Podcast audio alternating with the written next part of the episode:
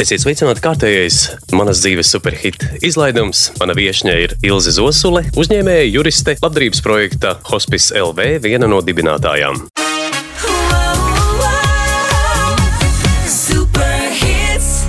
Sveiki, Ilzi! Sveiki, viss pareizi. Kamēr mēs klausīsimies pirmo to izvēlēto dziesmu, jo mēs klausāmies mūsu viesu dziesmu izvēli, kamēr skanēs tā izvēlētā dziesma, mēs uzzināsim kaut ko drusku par tevi. Tava pirmā izvēlētā dziesma ir Stings ar Desert Rose.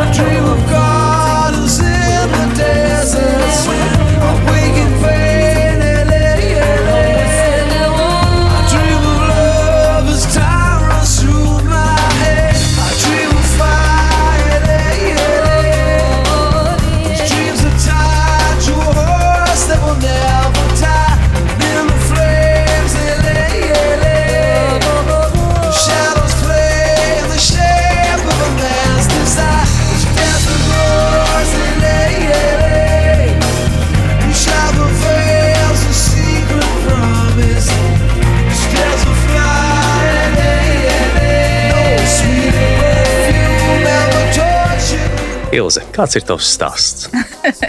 Profesionālā vai.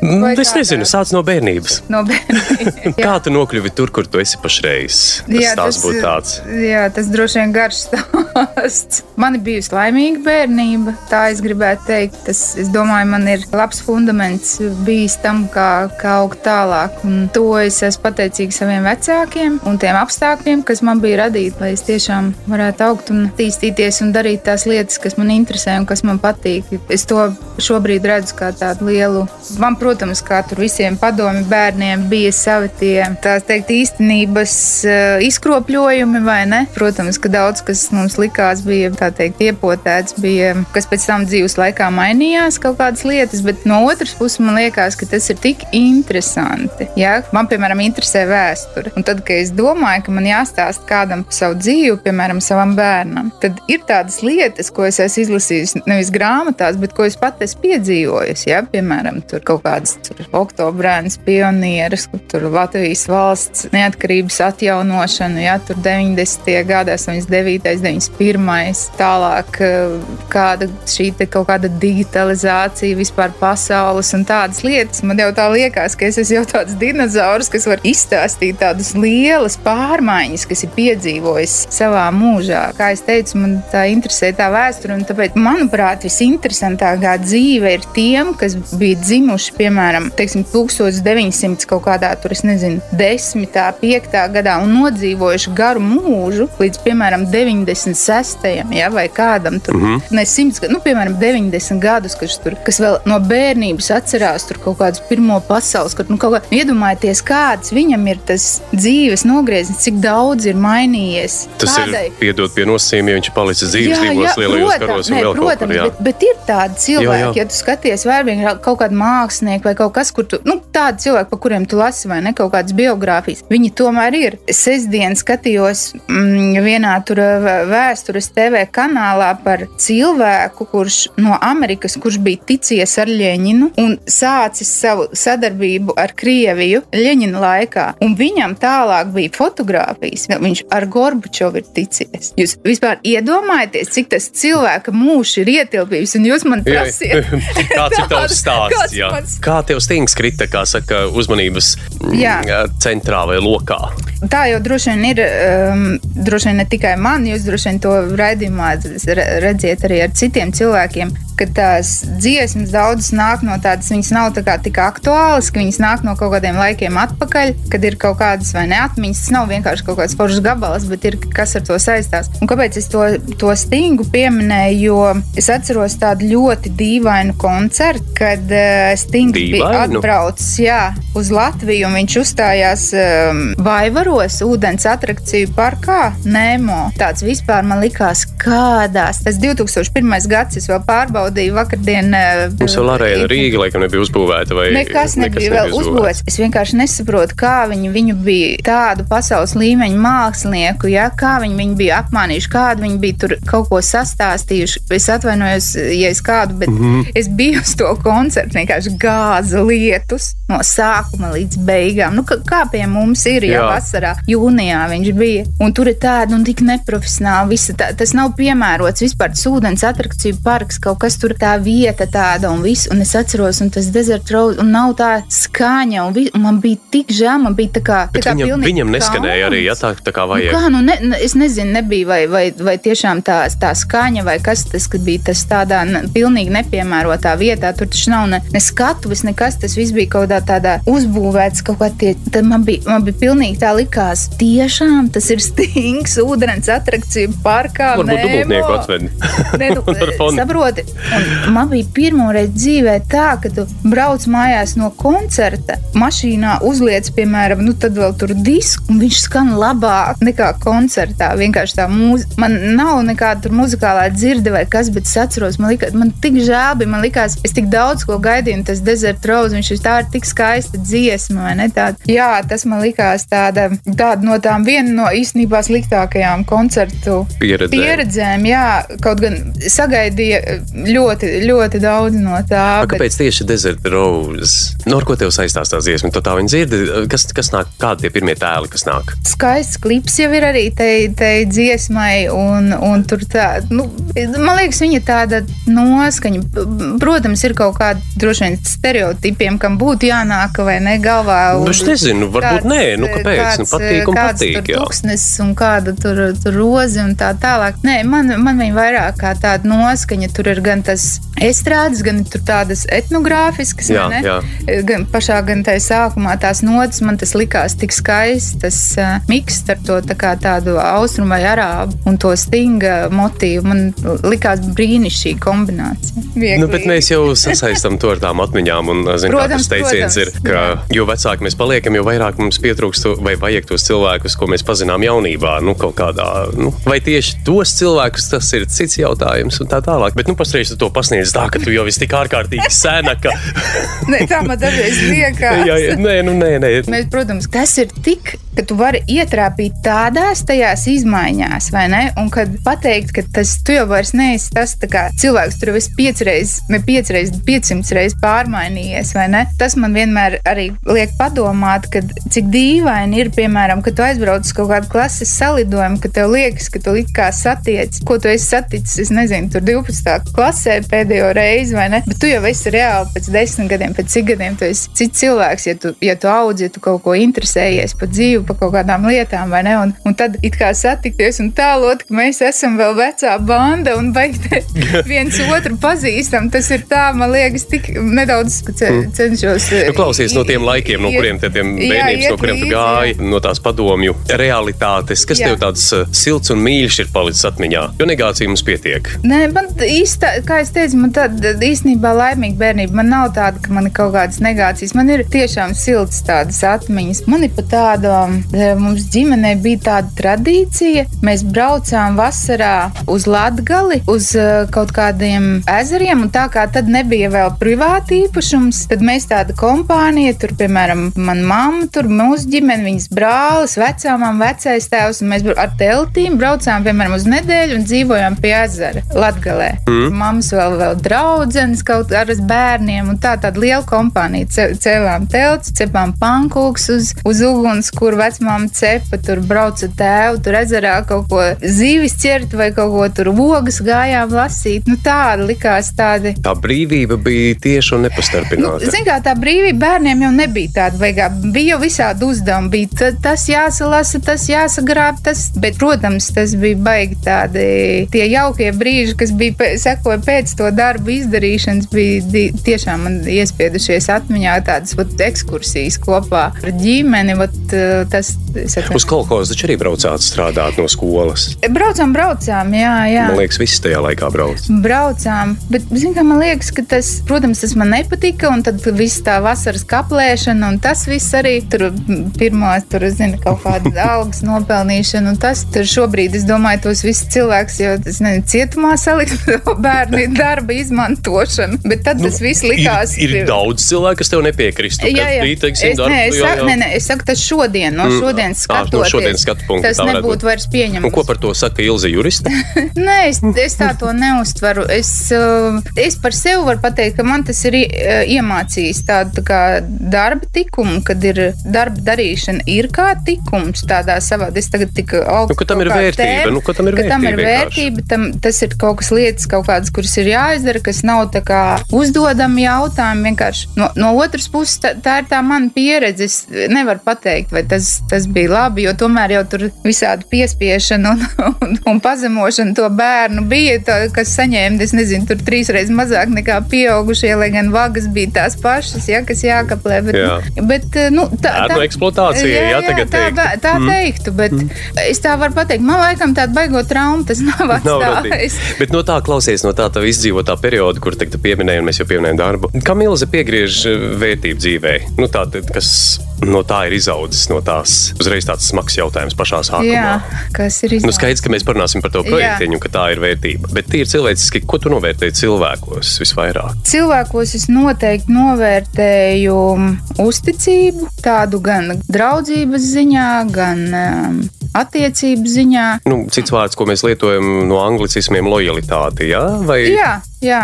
Jā, mm -hmm. tas būtu tas būt noteikti tāds. Noteikti cienu to pašu arī darba mīlestību, neieredzu augstprātību. Man liekas, mums ir tik šausmīgi daudz augstprātības sakarā ar kā, to kā, pāriešanu. Kā, to pāriešanu uz to, uz to sevis vai ne, uz to ego, nu tādu tā kā egocentrismu. Pašiņš, pašiņš, jā. Un... Mē, mīlēšana. Tas varbūt ir tas mazākais, bet, bet ir ļoti daudz Personīgi. cilvēkos ir augstprātības, to satieku. Nu, ļoti daudz tomēr cilvēki nav paškritiski, nav pašironiski. Ļoti daudz savā tai svarīgumā ir tik tādi sapūtušies, ka tu pilnīgi nezini, kā, nezini, kā pieiet, kā parunāties. Kā, un tad, ja? jā, un tu, es dažreiz tā daru, ka es ar tādu tā kā humoru e, tieši tā kā tādus glaimus izsaku, un es redzu, ka cilvēks nesaprot, ka es ar humoru, ka viņš to saka. Tas ir tāds viegls sarkasms, jā. Jā, ne, mm. neuztver to, un tad man tā, nu jā, jā ir, ir arī tā. Nu, uz pleca paslavēju un ne tālāk, nu, nu ko tu citu nu, darīt? Nē, nu, kā es patinu, vai nu beidziet, beidziet, ko tad es vai ne? Bet, uh, zini, bet arī tāda tendence ir pareizi, ka mēs atkal sevi pārāk. I, ir arī atpakaļ. tā, un es saku, man nav tāda baigā pareizā atbilde, kā, kā, kā būtu jābūt, bet nu, to jau saka, ka vajag būt kaut kādam līdzsvaram. Līdzsvaru tēva tā... mums katru reizi parādās. Jā, jā, bet tas man, es, man viņa nevisai patīk, tāpēc man liekas, tas tāds izdomājums ir, jo tas, eh, tas ir arī kaut kas tāds subjektīvs, un mm -hmm. tev vienreiz līdzsvars liekas tā savādāk, tad tu saklausies tagad, kad tev jābūt kaut kādam, jāmīl sevi, jāsēž tādā pozā, jādara tas, nedrīkst vēlēties pa stipru, tad tu dabūsi ne to, ko tu gribēji, ne tādā veidā. Nedrīkst domāt sliktas domas. Kā tajā visā vispār norientēties un saprast cilvēkam? Man, man liekas, ka viss ir daudz vienkāršāk. Vienkārši tu satiec cilvēku, tu iesties viņam acīs, labi izdodas pasmaidīt, tā čutene, ja jums izveidojas kontakts ir forši, ja nē, tad, nu, kā saka, lai tev dzīvē veicas un ejam tālāk katrs savu ceļu. Jā, bet, eh, bet ir jau, da, nu, cilvēki jau daudz uzskata, ka eh, viņi, nu, kāda tur izsakās, kā kuram būtu jādzīvo un kā ir pareizāk un tā tālāk. Un... Mēs visi zinām, kā ir pareizi, bet kad mums, nu, lieta nonāk līdz spogulim, ja, tad, jā. tad, tad, tad nu, jā, tā. jā, tad es saku, tad pazūd pašironija, tad pazūd paškritika, tad ir paliek tikai es, kas ir aizpildījis. Es un es, un es aizpildu visu pasauli. Es vēl gribu vienu lietu pateikt, ko es izlasīju nesen, kad um, ir tāds termins izdomāts, ka ir tāda ezotēriskā augstprātība. Tas ir viens tāds arī grāvis, ko vēlme bieži... pēc garīgās dominances. Ja, nē, nu tas ir tāds cilvēks, kas ir piemēram izgājuši kaut kādus tur vai ne, mm. vērā ņemamus kursus un izlasījuši grāmatas, un kas un viņiem ir tāds tas viedums pārpasaulīgais pār visiem pārējiem, ja? un tas dažreiz tiešām kļūst komisks un tāds, un, un es sevi visu laiku cenšos, kā lai nedod Dievs, es kādā no tiem grāvjiem iekrītu. Un, un gribu saglabāt tādu veselu saprātu un, un, un kritiku un paškritiku un, un teiksim, tādā veidā skatīties uz tām visām lietām. Un tai paškritikai un tam, man liekas, ka tam pamats ir tomēr izglītība. Tāda pat akadēmiskā izglītība un tādas lietas, kas tev ļauj paskatīties, kas tev ļauj ieraudzīt pasauli visā tās dažādībā, visā tās neideālismā, ja, un, un, un, un visās tās lietās viņas pieņemt pieņemoši to daudzveidību, kas ir apkārt. Man liekas, ka tas ir tāds, ko, ko es gribu sevī saglabāt un izkopt. Es ceru, ka, ka man tas kaut cik neizdodas. Noteikti izdosies. Mēs tūlīt uh, turpināsim šo tēmu. Ir, uh, es pieteikšu nākamo dziesmu. Tā ir Last Christmas no Džordža Maikla. Last Christmas.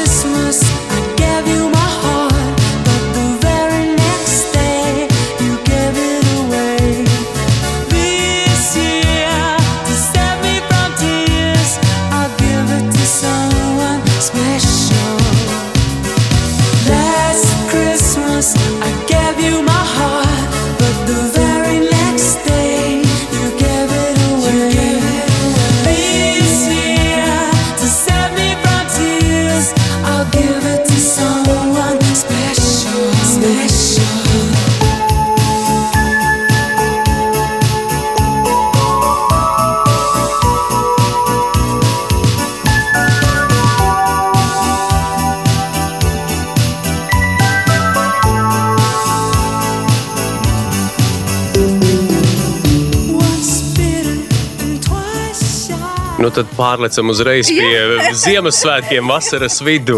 Ko? Jā, es jau domāju, jūs eh, neatļausiet. Nē, mierīgi. Tev Jā. patīk. Nu, pēdējie Ziemassvētki, Dievs dod, eh, kā saka, pēdējie bija diezgan pabriesmīgi, laikam, bet eh, par to nerunāsim. nē, nē. Ar ko tev saistās Ziemassvētki? Lai gan jā. pats Džordžs Maikls teica, ja, ka tā nav Ziemassvētku dziesma, tā ir šķiršanās dziesma. šķiršanās dziesma. Jā, bet es izstāstīšu, man arī šajos Ziemassvētkos, man nu, nāk katru gadu tie Ziemassvētki kaut kā tur, vai ne, visi jau kā nekā mēģina gatavoties. Viņiem tur, tur gan, gan tur ēdienas ziņā, gan tur mājā vai, vai, vai viesības vai kas. Es atceros pagājušajos un vēl šajos. Tā domāju, nē, nu kas tas ir kaut kāds ārprāts, ko es klausos visus gadus vienu to pašu. Noteikti, ka ir kaut kādas skaistas Ziemassvētku dziesmas, kuras es vienkārši nezinu, neesmu atradusi. Un, un es tagad viss, viss mājās sveces deg, visi pēduši. Es domāju, nu, tagad noskaņā es gribu uzlikt kaut kādu, un es dēlam prasu uzliec kaut ko, ko tagad viņš saka, nu, tādas nav dziesmas. Kā? Es saku, labi, tagad darām tā, tu liec savu, es lieku savu, nu, tur YouTube vai kā. Un es arī meklēju, meklēju, man tur ir dažas, kas man vēl tur patīk. Tur es nezinu, Marija Kerija, nu,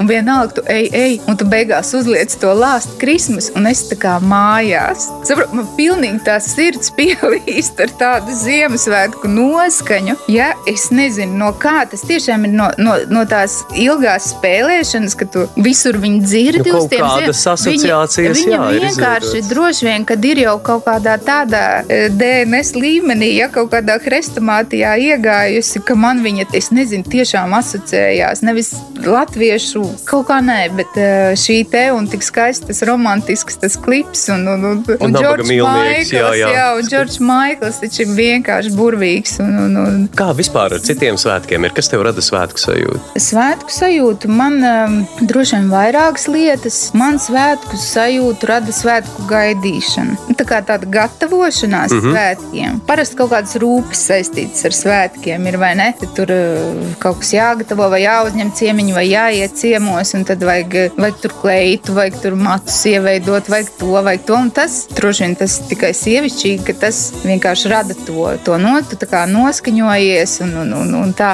Man Ziemassvētkos man ļoti patīk dāvanu gādāšana. Es esmu tāds frīks. Es jau no oktobra sāku pirkt. Man ir saraksts. Es zinu, ko Kā es tu izvēlējies. Es nekad gadu, nezinu, ko pagājušajā gadā dāvināju. Es skatos šogad, es skatos, o, šitais labais gāja, šitam es saņēmu, paldies. Šitam būt, varbūt nē, te kaut kas jāpamaina. Oh. Tad es ah. tādu lielu sarakstu, man mājās tāds vesels stūris, tad es sakrāju, sakrāju, visiem sapērku un, un jau decembra vidū visiem aiz. Tur varētu veselu nišu izvērst uh, Ilzes Ziemassvētku gādāšanas, Jā. teiksim, Jā metode. Vai? Jā, man ir sava metode izstrādājusies. Es esmu pilnīgi. Kas, jā, un tie, ne, to es nestāstu, ko katrs pats var izdarīt, un kas īpaši nav vajadzīgs. Tur vajadzīgi tikai, liekas, tas, kas cilvēkiem šobrīd pietrūks, tā ir uzmanība pret otru cilvēku. Nu, tādā skrējienā, ja, ja tu tiešām esi tā kā nevis vienkārši iegājis veiklā, ah, re, kaut kas nopērkam kaut kādas konfekts, viss tās jau mm -hmm. noder vienmēr. Bet, kad tu esi tā kā padomājis, vai ne, tu esi piemeklējis tur vai pēc krāsas, vai pēc tā, pēc tā, vai, vai pēc satura to dāvanu, nu, ka, kas cilvēkam patīk. Bet tur tas cilvēks tā jāpazīst gana labi. Nu, jā,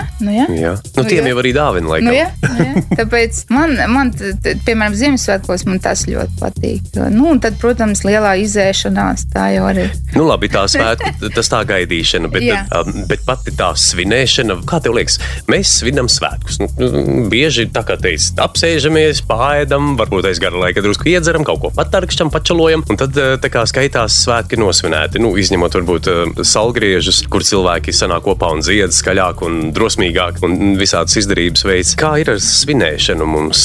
Man ir um, tāda, kas man vēl patīk, man patīk tāda balles rīkot. Mhm. Mm -hmm. man, tur, nē, man ir uh, viena draudzene, no kuras man jāņem piemērs, jo viņai ir tur vislabākās balles. Bet tad man, man, man Bet balles kā balles ar balles kleitām un Nē, balles nu, nē, nu, mūziku? vairāk ar tādu tā kā, tā kā programmu, ar, ar uh, tur vietu, ar, ar muzikantiem, ar, nu, tur, Mhm, piemēram, vai, vai mammai vai, vai tēvam kaut kāda apaļa jubileja, un tad man patīk sarīkot, un tad atbrauc muzikanti un brīnum mākslinieki, un vēl kaut kas, un vēl kaut kas, un kaut kādi teicējumi, un dzējoļu skaiti. Nu, un tad ir tāda tā kā balle, tad nav tā Tad kā jūs sakiet, kad ir tikai tā pasēdēšana un, un, un ēšana vai, vai vindzeršana, bet ka ir tās dēļas, ka kāds dzied, ka ir tā, tā kā tāda uzstāšanās, un tad ir, tad, man liekas, tad ir tāda kārtīga jā, svētku sajūta. Mēs klausāmies 21. gadsimta dziesmas, kas liek justies labāk, un šodien mums dziesmas piedāvā Ilze Zosule, uzņēmēja juriste, labdarības projekta Hospice LV,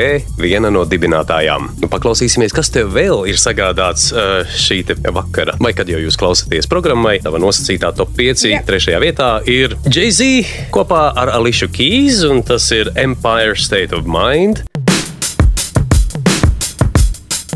Yeah. Yeah, I'm out at Brooklyn. Now I'm down in Tribeca, right next to the Narrow. But I'll be hood forever. I'm the new Sinatra. And since I made it here, I can make it anywhere. Yeah, they love me everywhere. I used to cop in Harlem. All of my Dominicanos right there up on Broadway. Pulled me back to that McDonald's. Took it to my stash spot, 560 State Street. Catch me in the kitchen like a Simmons whipping pastry. Cruising down A Street, off white Lexus. Driving so slow, but BK is from Texas. Me, I'm out that Bed-Stuy, home of that boy Biggie. Now I live on Billboard, and I brought my boys with me. Say what up to Tata, still sipping my top. Sitting courtside, Knicks and Nets give me high five. I be spiked out, I could trip a referee. Tell by my attitude that I most definitely from.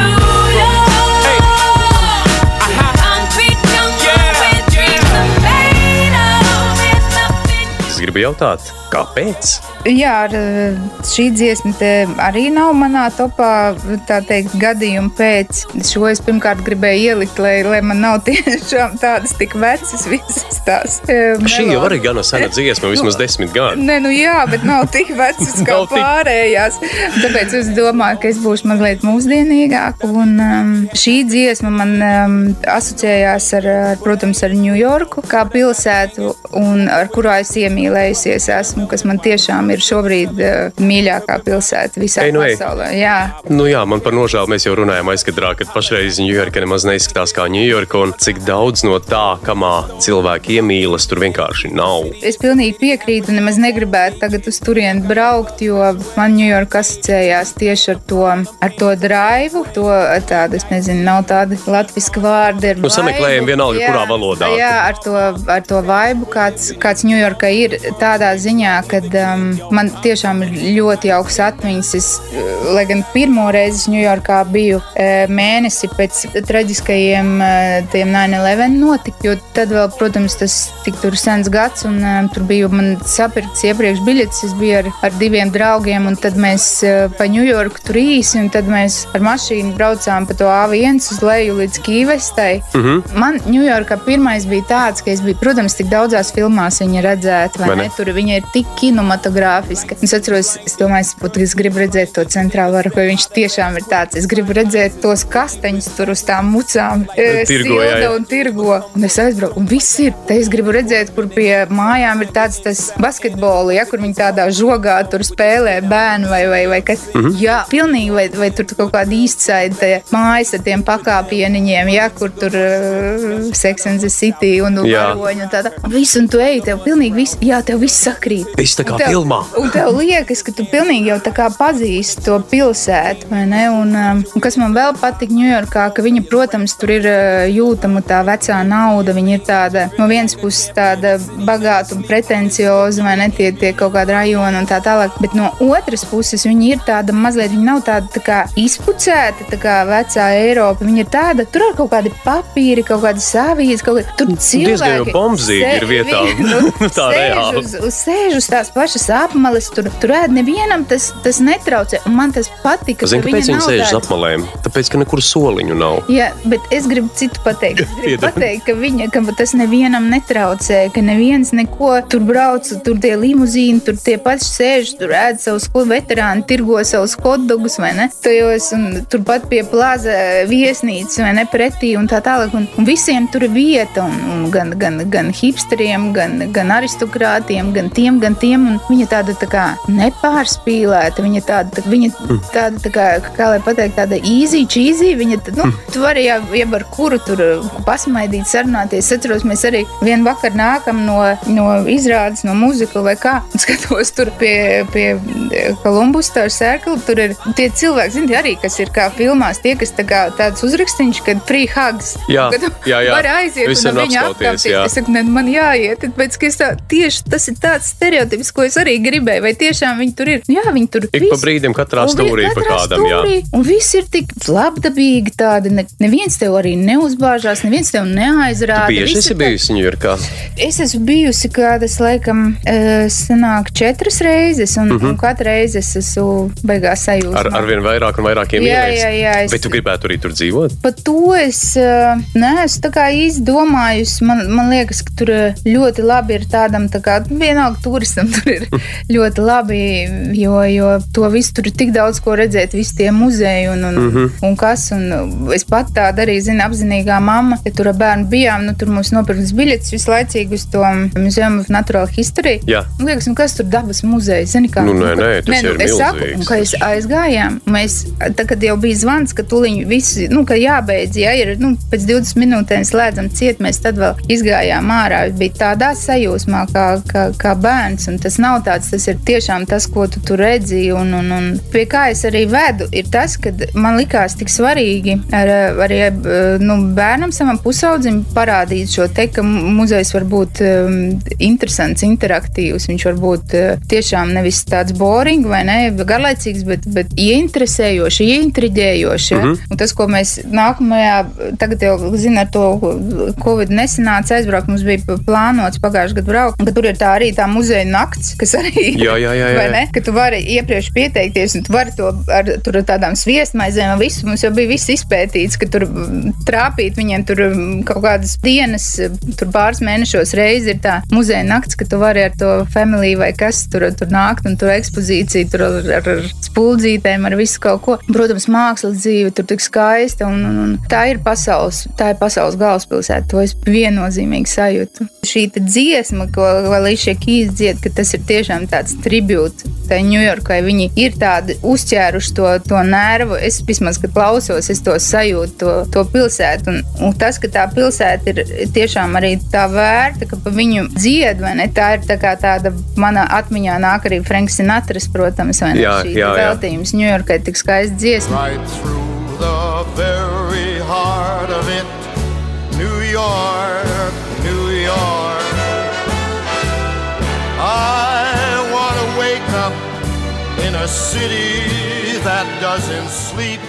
Viņa ir pasaules galvaspilsēta, ap, ap viņu ir ļoti daudz stāstu, ļoti daudz interesantu vēstures, tik daudz. Nu, kāds no interesantākajiem atgadījumiem, kas tev Ņujorkā noticies? Ņujorkā, jā, jāpadomā. Tas zāģi metro. Nē, man nav, man starp citu nav ne, ne, nekāds Nu, labi, bēdīgs uh, notikums. Nē, nu tad kā, nu kaut ko labu es jau gribu dzirdēt. Jā, jā. Sliktos mēs jau esam dzirdējuši. Es pat viņus neesmu dzirdējis. Man... Kamēr tu domā, es uh, vēl vienu jautājumu, Jā. tad, jā, tas Empire State of Mind, tas um, impēriskais prāta stāvoklis, jā? kā tu to saproti? Kas tas ir? Nu, kā tu viņu izjūti? Pamēģini. Es domāju, ka tas varētu būt eh, tāds, ka tu, ka tu esi tā kā vienalga, man liekas, cilvēks daudzās lietās pa dzīvi kā taustās, taustās, un ka tu tā kā saslēdzies, ka tev, ka tev viss, ka tu uztver kaut kādu to. Angliski vēju. saka, in the zone. Jā, ka tu ka, tajā- tu, ka, tev, ka tev iet, un ka tev viss notiek, un viss viena lieta aiz otras aizķerās un, un iet uz priekšu. Un, man liekas, bet tas ir par to pašu, ko Franks Sinatra dziedāja, kad, ja tu to vari izdarīt Ņujorkā, Tad tu vari izdarīt jebkur, jā. jebkur, jā. Tas, tas man likās, ka tas ir, protams, m- modernā, muzikālā un, un, un liriskā izteiksmē pateikts, bet tā, vienalga tas ir tā pilsētai, kur ir, protams, prasīga, kura ir nežēlīga vai vēl kaut kāda, bet viņa ir arī ļoti tāda Nu, kā saka, ja uz tās taciņas, Jā. uz zel- zelta dzīslas trāpa, tad tā lieta iet no rokas, jā, vai kaut kā tā. Jā, bet, protams, tur arī ļoti, ļoti izkāpināts ir tas veiksmīgi cilvēki, tas, tas sap, nu, tā kā Nu, Džeksija stereotips. turpat arī dzied, ka lielākā Jā. daļa no jums, kā saka, neizcīnīsies Jā, tur, jā. jā, bet tā ticība, ka tu vienalga to vari tur izdarīt. A, tā nav tāda loterija. Bet ir, bet ir. Vai, ne, vai jūs domājat par to, ka vai tu vari tā kā pats nobruģēt ar savu tur zelta Jā, jā, jā, nu kā, skolā, lai cik tu tālāk tur. Nē, nu es domāju, pat aizbraucot uz Ņujorku. es- To es varu pateikt. Es par to esmu domājis, cik daudz ir, tie, cik daudz ir ga- gadījumu ietekmi uz cilvēku to mm, dzīves, to uzturi, vai ne? Mm -hmm. cik, cik daudz ir tas, tas eh, darbs. Teiksim, tā, e- es ticu cilvēka gribai un darba spējām. Un vēl es ticu tam, kad, eh, ka tādā pilsētā kā Ņujorka vienīgais tas veiksmes mērītājs jau nav bagātība. Tas, ko es tur ieraudzīju, ir tas, ka tu vari būt, ja tu pats esi kā sevi iekšēji ar sevi apmierināts. Tu esi, nu, piemēram, ja mēs paņemam kaut kādu tādu līdzību, ka, ja tu esi, piemēram, tur labi mācījies un tev tavs priekšmets interesē un tā tālāk, tu jau vari kā akadēmiskais mācības spēks, tu vari karjeru taisīt, tu vari iegūt cieņu, tu vari būt pētnieks, kaut kāda mm -hmm.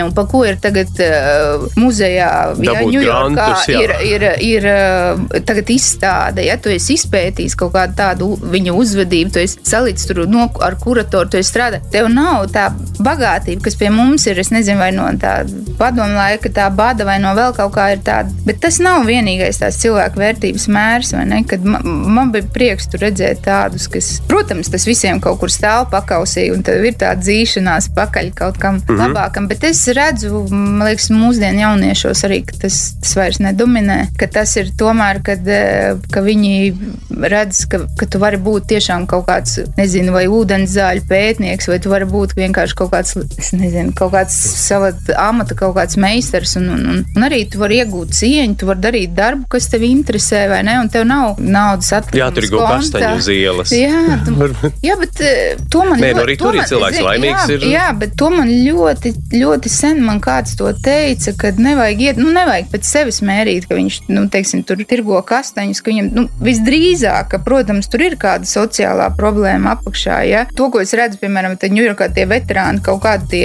hotdogi, tie, tie ratiņi vai tās būdiņas, vai ne, cits ir tik eleganti iekārtojas, ar visiem viņš izrunājās, ar visiem, tu esi nāku un nāku, Nē, bet tu ja. zini, tās hotdogu būdiņas, par kurām tu minēji, tās tirgot, viņiem licence uz gadu maksā pusmiljonu. Jā, jā, jā. Līdz bet- ar to vienkārši eh, īstenībā viņi tur par tām vietām plēšās. Tas ir, un, tas ir tiktu, skaidrs, un viņi Tas pie viņām, un viņi tur brauc gadu no gada, un viņš tur ir tas pats.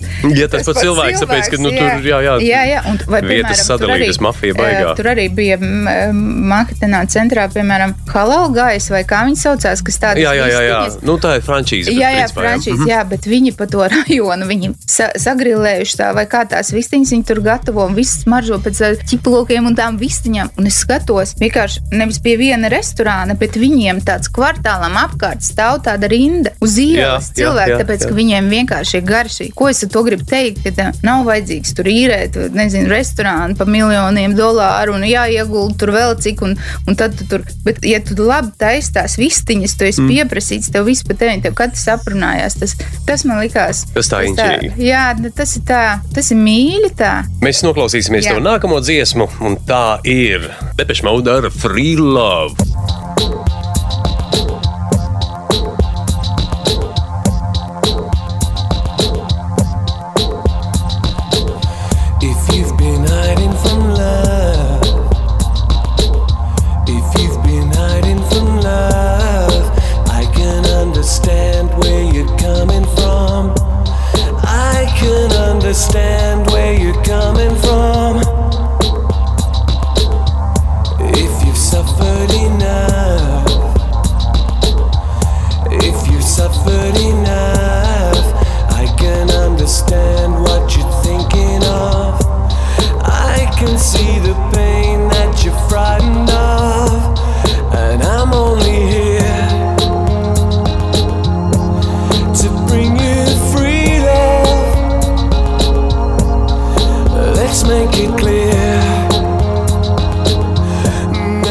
Šīs dziesmas laikā es gribēju uzzināt, kā tu ilgi nonāci līdz tavam projektam Hospice LV un kā vispār iet ar to un kāpēc.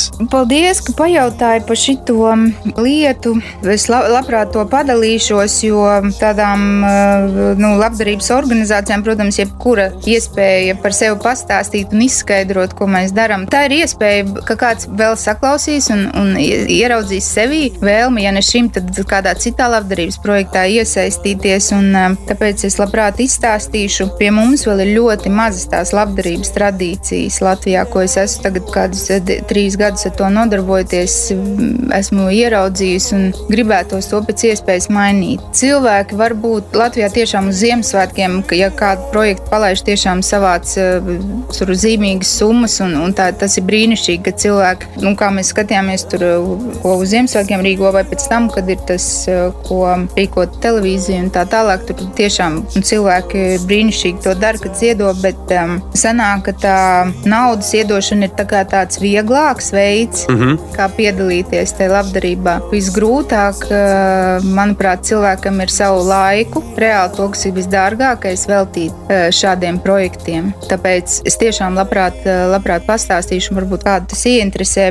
Sanāk tā, ka mēs kādus um, pakaļ esam mana biznesa partneri un draudzene. Mēs um, sākās to, ka es izlasīju vienu grāmatu, kur bija rakstīts par to, kā Amerikā notiek tā cilvēka aiziešana no dzīves. un Tur bija tāda, no tāda interesanta skatu punkta. Tur bija paņemta vairāk, viņi nu, nav tā kā daļa literatūra, bet uh, ne, nemācīšu pareizi pateikt to žanru. Kaut kā literatūra. Jā, jā, tādā ziņā. Un tur bija tā kā vairāk tādi, e, to raksta grāmatu sarakstījis viens um, Harvards univers- universitātes pasniedzējs, kas pēta to tēmu. Tur bija paņemti tādi vairāk cilvēki, kas dažādu neārstējumu slimību dēļ ir nonākuši kaut kādās dzīves situācijās. Un tur bija tik cilvēciski aprakstīts tas, kāds ir tas process, kā cilvēks pamazām zaudē to kontroli pār to savu, to savu neatkarību tādās visādās mazās lietās, mazās, mazās, mazās. Un kad tu to lasi un to interviju, to saka arī pats tas,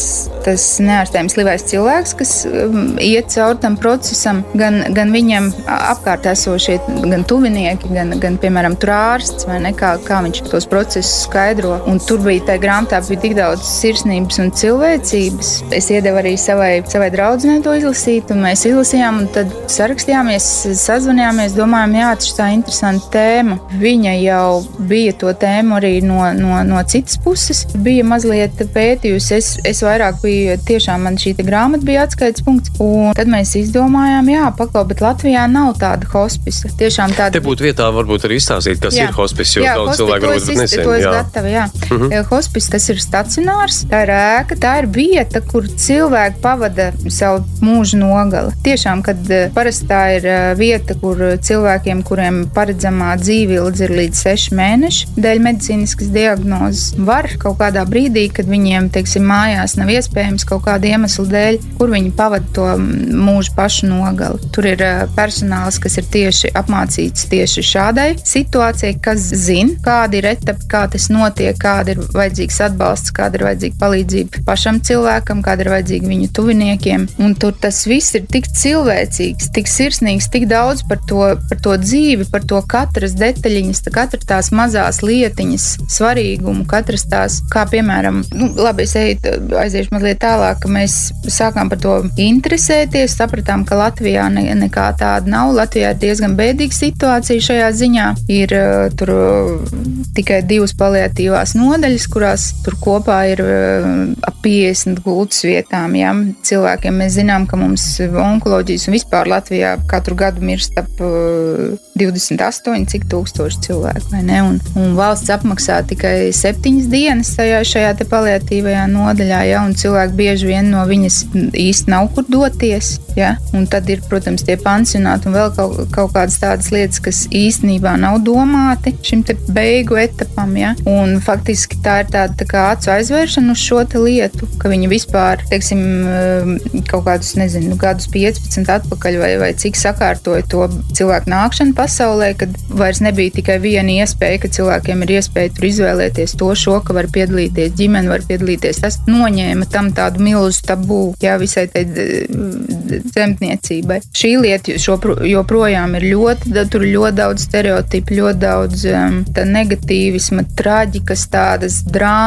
Bet faktiski cilvēks, kad nonāk tādā situācijā, viņa tuvinieki viņiem bieži vien nav pieredzes. Tā ir pirmā vai varbūt otrā pieredze dzīvē, ja, piemēram, tur saistīta ar vecākiem vai, vai aiziešanu vai vēl kaut ko. Un cilvēks faktiski tādā arī stāvoklī nevar norientēties, kas viņam ir vajadzīgs, kas ir svarīgi, kas nesvarīgi, kādas iespējas dod pašvaldība, kādas iespējas dod valsts, kas ir tā jāsalasa tā kā tāda mozaīka. Ja? Un, un, mēs jau domājam, ka mēs visi tur zini, būsim ar kaut kādu kaut kādā skaistā vietā ar draugu pulku apkārt un, un bērniem, kas nes un, un ūdens glāzes viena aiz otras un tā tālāk. Ja? Bet, bet tā dzīve, kā mēs redzam, iegrozās bieži vien daudz ir savādāk. Daudz jā, jā. Jā. Mēs bijām apskatīties ārzemēs, kā šie hospisi ir izveidoti. Mums bija tāda iespēja. Tad radās tas priekšstats, ko mēs gribētu šeit panākt. Mēs um, sākām abas divas kā brīvprātīgās, izgājām kursus brīvprātīgās.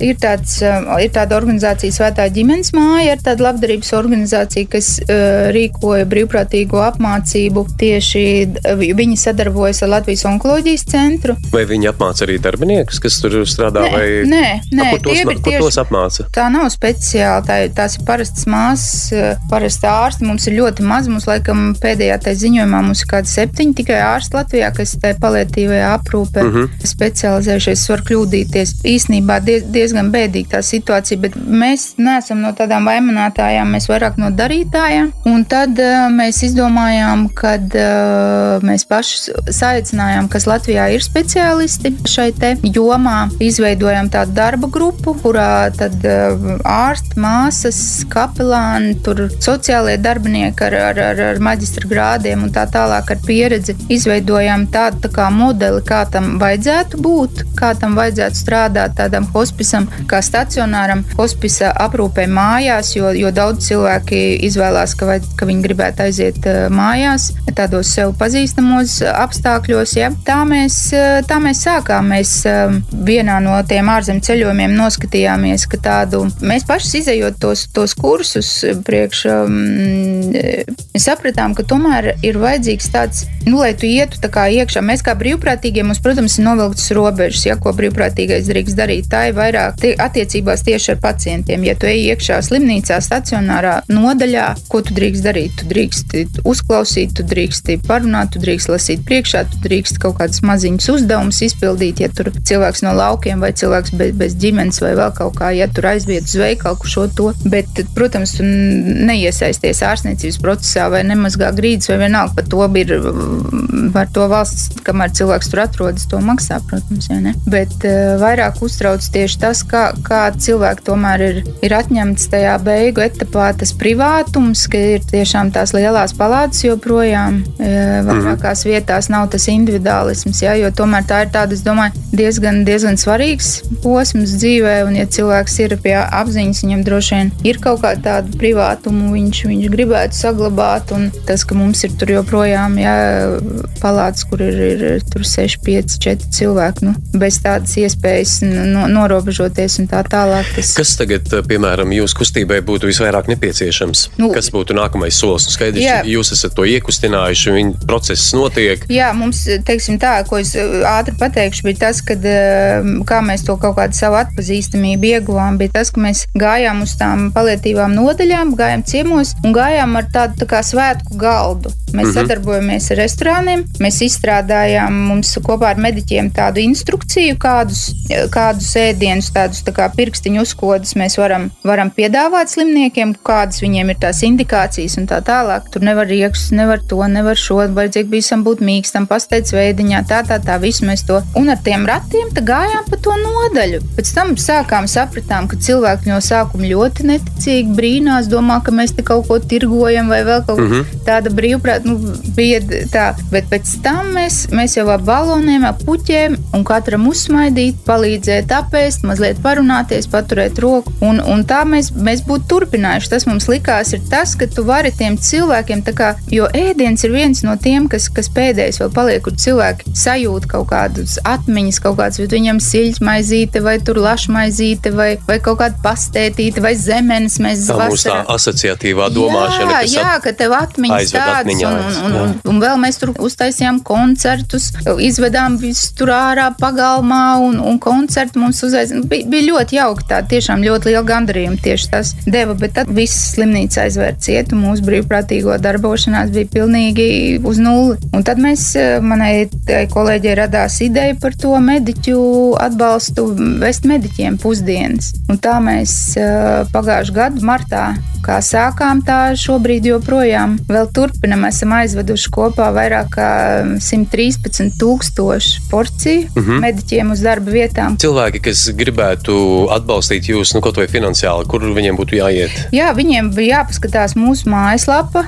Hospice LV. Hospice LV. Ar diviem S. Ja? Jā, mums daži vēl jautā, kur jūs tādu vārdu esat rāvuši, kas saka kaut kāds nelatvisks, bet mēs pirms viņu sākām lietot, mēs paprasījām valodu centram, kā pareizi locīt kā viss tas mm. ir normāls latviešu vārds. Protams, nu, nenā, nav nācis, bet mēs prasījām, varbūt viņam būs kaut kāds latviskojums, bet to viņi izdomāja, ka nevajag. Tādēļ ir šis hospice ar diviem s.lv. Mūsu Facebook lapā ir redzams viss mūsu aktualitātes un, un kontakti un tā tālāk. Un, um, jā, šobrīd mēs uh, turpinam, mums ir akcija, tātad šī te viena joprojām turpinās mediķiem galds savējiem. Mums ir tagad uh, akcija iet atelpa mediķiem, kur mēs mediķus tos, kas ir visvairāk vairāk uz izdegšanas robežas šo visu Covid laiku nostrādājušies. Mēs vedam pa ziedotāju naudu uz Latvijas lauku mājām, uz divām, trim dienām atpūsties, atslēgties no tā visa, mm -hmm. smelt spēkus. Mēs paralēli mums iet uh, hospis mājas aprūpe. Mēs esam visus noformējuši dokumentus, lai mēs to varētu sniegt, kas, protams, arī nav, nav maza tā lieta. Mēs paralēli cīnāmies, lai, lai dabūtu šo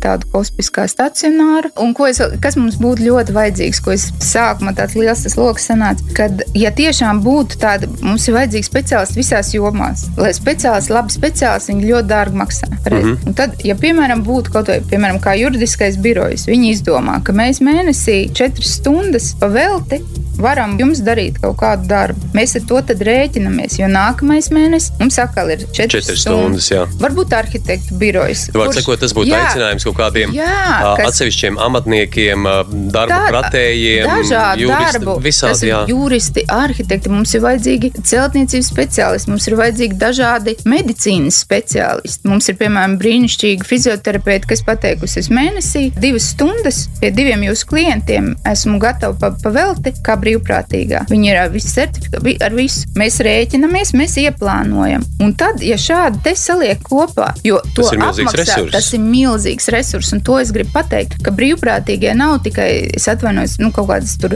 vecas tantiņas ar lapetiņiem, kas, kas kaut ko tur uh, bubina un, un nes kaut kādus cepamiņus kādam. Pirmkārt, to cilvēks saņem neizmērojumu gandarījumu. Ja tu dari tādu darbu un tu redz, ka tas tā lielā lieta beigās salīmējās kopā un tu esi izdarījis kaut ko, kaut ko tādu, un tu neesi, faktiski tu esi tikai to pašu dārgāko, tās savas zināšanas, vai ne, kam tu, piemēram, pelni kaut kādas līdzekļus, vai ne, un tu, tu vari, mm -hmm. droši vien, ka 4 stundas mēnesī, piemēram, nav nav, varbūt tik izšķiroši, ka tomēr Protams, ja katrs var atvēlēt. Jā, un tas ir tas, ko, ko es gribu aicināt, kad iesaistieties, kā dro, esiet drosmīgāki, piesakieties, ja, to, kāpēc es ticu, ka, tā, ka tas izdosies, jo tad, kad mēs sākām to akciju glābt savējiem, ja, tos mediķus barot, tad tie, es atvainojos, ēdināt, tad pieteicās mums Facebook katru dienu nāca, hei, mums ir tas un tas, man ir ķirbi, man ir, reku, mēs gatavi aizvest saldo, mēs gatavi uzcept kliņģerus visiem mediem, mēs gatavi, es sapratu, ka mūsu cilvēkiem ir tas iekšā, ka viņi ir gatavi, vai, reku, mēs jums gatavi iedot automašīnu uz, uz nedēļu, ja, lai tur vadātu tās tur,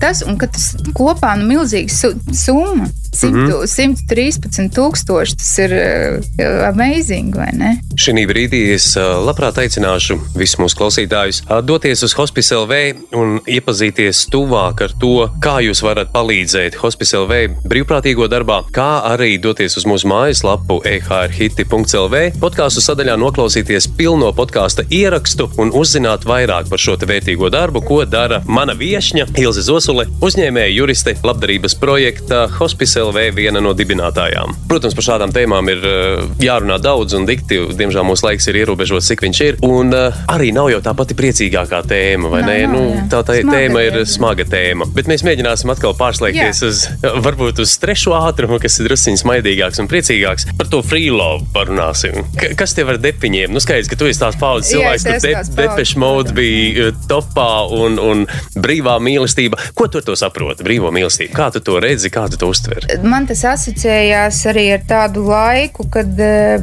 man bija, es atceros, bija arī 2001. gadā Depešmot bija koncerts, man liekas, Konto stadionā. Un, Vēl jūrmalā esot bijis. eh, To Kaut es kāda. neatceros, bet es atceros eh, Skonto stadionā. Un, un, un viņi bija atbraukuši ar tur jaunu albumu, un visi gaidīja, nu, kad tad būs, kad tad būs tās vecās labās dziesmas. vai ne? Un Tā, es atceros, um, tur bija tā divas, un es atceros, man tas iekrita tādā laika periodā, kad man bija tā vienas attiecības beigušās, un, un to jau es nezināju, kad man kaut kas sāksies. Un tā man bija tādi, jā, kaut kādi pāris gadi tādi ar, ar draugiem, tādā vot, koncertu dzīvē un, un visā tādā, tādā brīvībā padzīvot. Tāpēc, ka to skolas, augstskolas un tādus laikus es biju attiecībās, un tomēr tā pēkšņi bija tāda brīvība uzkritusi. un Tad bija tā freelove, Tad tā bija bija nu, iespēja. tā, tā varbūt to, tas, lai tā teikt, vēsture klusē. Jā, jā, jā. Bet, bet, bet, bet tu tādas man kaut kādas asociācijas. Un, un vēl ar šo grupu es gribēju divus vārdus pateikt, kad um, mūsu kompānijā bija viens tāds draugs, kura diemžēl vairs jau kā piecus gadus nav, kurš bija tāds depešmodu fans. Un, un man faktiski vienmēr, kad es jau jebko no depešmodu dzirdu, tad eh, es arī atceros to, to mūsu draugu un, eh, un pilnīgi saprotu, kā, kā tas ir tiešām tik dīvaini, kā, tai, kā cilvēks smadzenes izveido tādas tās uh, atsaucas, tās atmiņas un, un, un, tādas uh, vienkārši kaut kādas arī tur jaunības, visādas joku lietas un, un, un visādas stāstus. Un, un, un tad depšmod, jā, man ir, ir tāds, tāds viens no Ir kāda stāstiem. mīļākā dziesma, nu, skaidrs, ka mūsu sarakstā ir tik, cik viņu ir to dziesmu, bet no depešiem vai vispār. Kāda ir Nē, tava? nu, daudz, nē, nu, nē, nu personāli Jēzus, jau, protams, arī tas jau. Reach out, touch faith.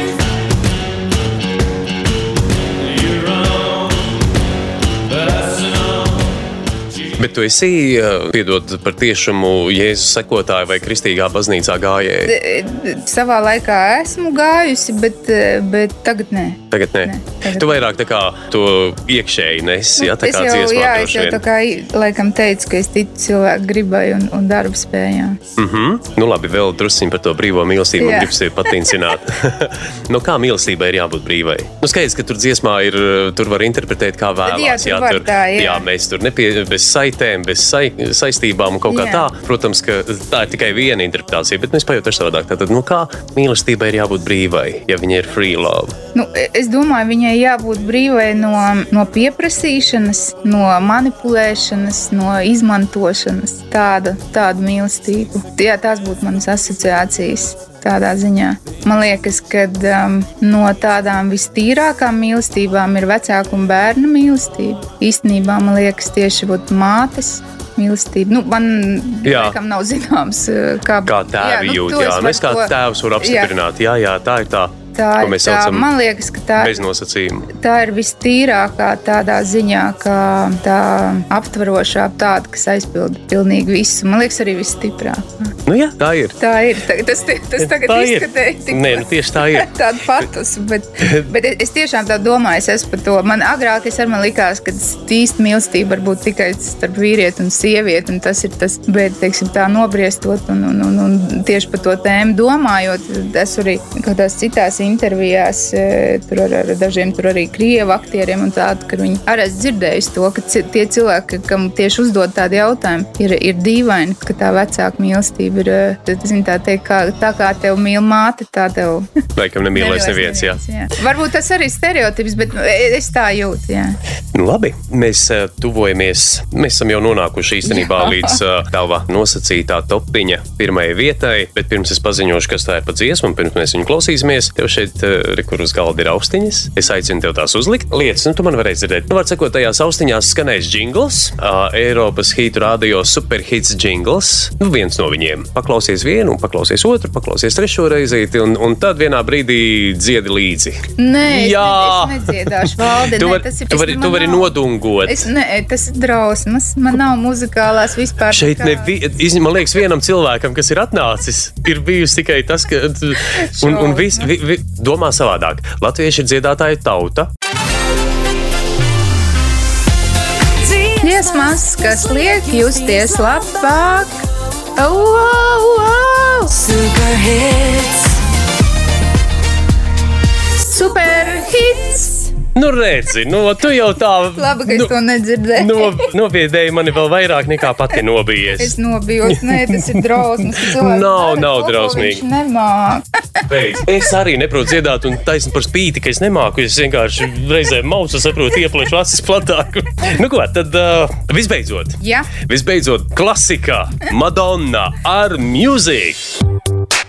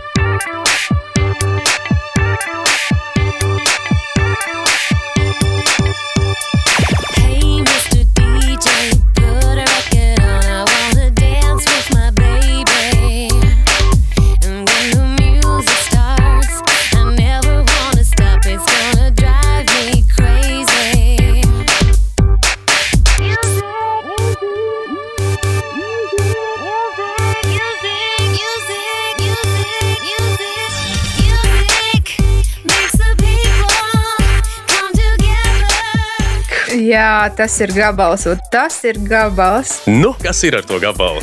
Jā, Madonna, man pilnīgi ir tāds uh, elks, un tiešām elks tāds no jaunības dienām, tā ka plakāts mājās, tā ka tu zini tur uh, visas dziesmas un, un, un sēdi tur, es nezinu, vakarā pie, eh, zini, televizoru, kamēr ar man briks kaut kādā tur raidījumā tur parādīs. Varavīgs nebija, jā, jā, jā. jā. Varavīgs, Mhm. kaut kādu gabaliņu, un tur, ak, Dievs, man likās, ka nav vispār skaistāks sievietes, nav skaistāks dziedātājs, un viss tas viņas, tas mežonīgums un tas protests, un tas man likās, ak, Dievs, tas ir cilvēks, kāda jauda, kas tas vispār ir, tā ir parādība.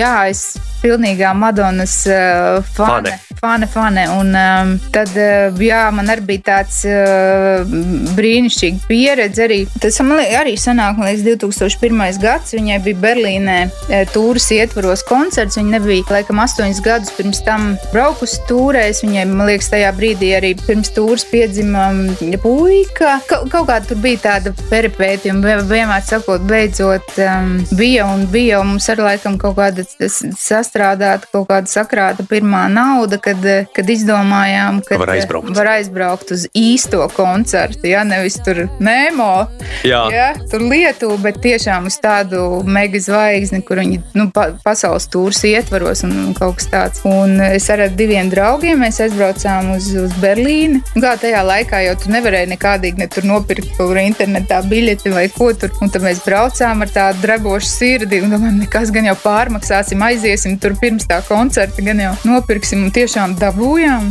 brīnumainā kārtā mm -hmm. biļetes. Un, eh, un tas bija fantastiski. Tas bija vienkārši. Tas nebija tur tāds vilšanās pēc tam, jā. Nē, tas bija, tas bija kaut kas tāds. Tas bija, nu, es biju pilnīgi, man bija, es biju pārņemta. Es nevarēju, ne, pa, nu, tas bija kaut kas tiešām. Es to sajūtu tik labi atceros, kad, kad tev vienkārši viss, viss eh, skudriņas, vienkārši viss pauls gaisā, kad tu vienkārši skaties uz to elku. Tiešām, tiešām tā ir viņa, tā ir viņa. Un, un tas bija mm, tāds, tas um, viņai uz skatuves, viņa tur mainīja, laikam, sešus tos tēlus. Viņai bija gan, tur bija gan mūzika, tur bija gan erotika, tur bija gan, viņa bija kā kobojs, viņa pati akapello ģitāru spēlēja, un viņa mainīja tos tērpus un tās izpausmes, un, un, un tās, tos, uh, gan, gan tas gotie tērpi, gan tie, mm -hmm. tie kilti tādos svārkos, un, un tā deju grupa, kas viņai, nu, vienkārši fantastiski. To es neaizmirsīšu nekad. Tas bija tāds, es domāju, jā, tagad es esmu bijis Tagad tā, tas kā koncertā. Ņujorkā aizbraukt un ieraudzīt debeskrāpes. Jā, jā, jā, tas ir vienkārši kaut kāds, kā, tas, kā tā skaņa, kā tā viņas enerģētika, kā tas piepilda to zāli. Tu pieminēji dejotājus un dejošanu. Tev pašai patīk dejot? nu, jā, man patīk dejot, bet nu, jā, diez kā jau vairs neizdodas. Nē, nu labi, tagad mēs varam teikt, jā, mums visiem neizdodas, visiem patīk. Nē, nē, Bet, Bet, eh, tā man, nē, man liekas, ka mums bija agrāk tur eh, kompānijā bija, eh, bija viens čalis, kuram draugs ir dejojis. Amerikā dzīvoja, viņš ir dejojis ar Madonu. Viņas tajā tajā dejotāju deju grupā, jā. Mhm. jā, viņš, protams, dejoja kā dievs. Un, un, un tad, kad es atceros, viņš tur kaut kad bija Rīgā, man likās, ka es viņam varu tā paspiest roku. Man jau likās, ka šis cilvēks kopā zina, ar Madonu Mhm. mēģinājumos un tā tālāk. Tas man likās vienkārši kaut kāds, tā kā es būtu, es nezinu, Luis Armstrong vai kaut ko tur. Tas ir pilnīgi tāds Satikusi pie alus kosmos. Nu, vienkārši kaut kāds kosmos. Tiešām ir kāds cilvēks, kas viņu tā zina, zina sadzīvēt. Bet tie tādi, jā, tie tādi elki, un, un ko es vēl gribēju divus, divus vārdus pateikt, ka man pa lielu brīnumu, es, piemēram, tagad savam dēlam prasu, dažreiz dzirdu mūziku skan, viņam es prasu, kas to izpildu, viņš saka, es nezinu. Es saku, kā tik dīvaini. Es Saku, mēs zinājām visu, ka, Visus. visu, mēs zinājām visus, mēs zinājām visu par to, par to cilvēku, par to grupu. Mēs, pēc tam es tā padomāju, ka laikam tiešām tā, tam vairs nav tādas nozīmes, nav vairs, es kaut kur dzirdēju intervijā, viens mūzikas vēsturnieks par to runāja, ka vairs nav tādu elku, tagad ir tik daudz to platformu un tik daudz tā dažādība un tās sašķelšanās. Satura. Jā, satura tā dažādība, ka tādu, nu, tur, protams, tur ir Amerikā kaut kas, bet varbūt tur, bet nav vairs tādi tie grandi, vai ne, ko, ko mēs te šodien Visā, arī dažs- visā pasaulē zināja visi, nu, Zināja piemēram, Maikls visi. Džeksons, man liekas, vēl aizvien. Jā. Nu, un Madonna. Jā, tas jā. man arī bija viena vien no,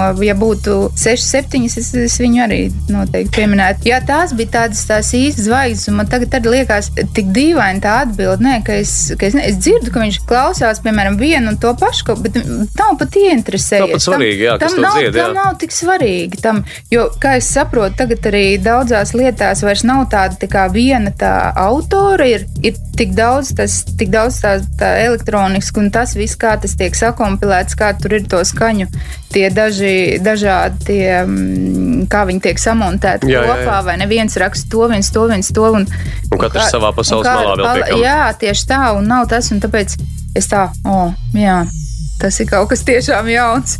Bet, bet ne, jau tāpēc, es domāju, tā mūzika. Jā. Nu, bet šajā dziesmā viena interesanta rindiņa, kas uh, Jā. piesaistīja manu uzmanību, ir nedomāju par vakardienu un neskatos pulkstenī. Vai Ilza skatās pulkstenī un kavējas vakardienā? Jā, jā es, es, man patīk pakavēties gan- atmiņās, gan, gan, gan kaut Nē, nu šeit tas bija virsuzdevums pakavēties atmiņās. bija, jā, protams, bet es arī i- ikdienā, es tā neesmu tāda, ka, kad ir tikai tur uh, šodiena un, un, un dzīvojam. Es to vēl tā kaut kā neesmu iemācījusies. Mhm. es, es tomēr man patīk gan tā plānot priekšu, man patīk atcerēties. Mhm, man patīk, eh, Bet pulkstenī tā- bieži skaties? Skatos, skatos, man tāds darbs, laikam, ka tomēr Laikam. ir, ir jāskatās. Tā, tā nav tomēr dzīve, ikdienas, tā darba diena diezgan sastrukturizēta. Mana viesne šodien studijā ir Ilza Zosule, uzņēmēja juriste un labdarības projekta Hospice LV, viena no dibinātājām. Es tev būšu ļoti pateicīgs. Pirms mēs atvadāmies, ko tu novēlēsi mūsu klausītājiem? Es novēlētu, ka um, cilvēkiem skatīties ar tādām tā kā, ar tā kā plašāku sirdi uz visām lietām. Pirmkārt, pieņemt eh, dzīves dažādību, cilvēku dažādību, pieņemt to, ka šī pasaule domā dažādiem cilvēkiem, gan, gan skaistiem, gan nesmukiem, gan gudriem, gan ne, gan veciem, gan jauniem, gan dumjiem, gan gudriem visiem. Un mums visiem šeit ir tādas vienādas tiesības būt un vienādas tiesības uz cieņu, uz mīlestību un to ieraudzīt un, un ievērot. Paldies, tev, Ilza, par sarunu, tev Jā, sokas. Tas brīnišķīgi. Man izvilināja tādas lietas ārā, ka es būs jābrīnās. Paldies! Atā! Atā. Dziesmas, kas liek justies labāk. Superhit.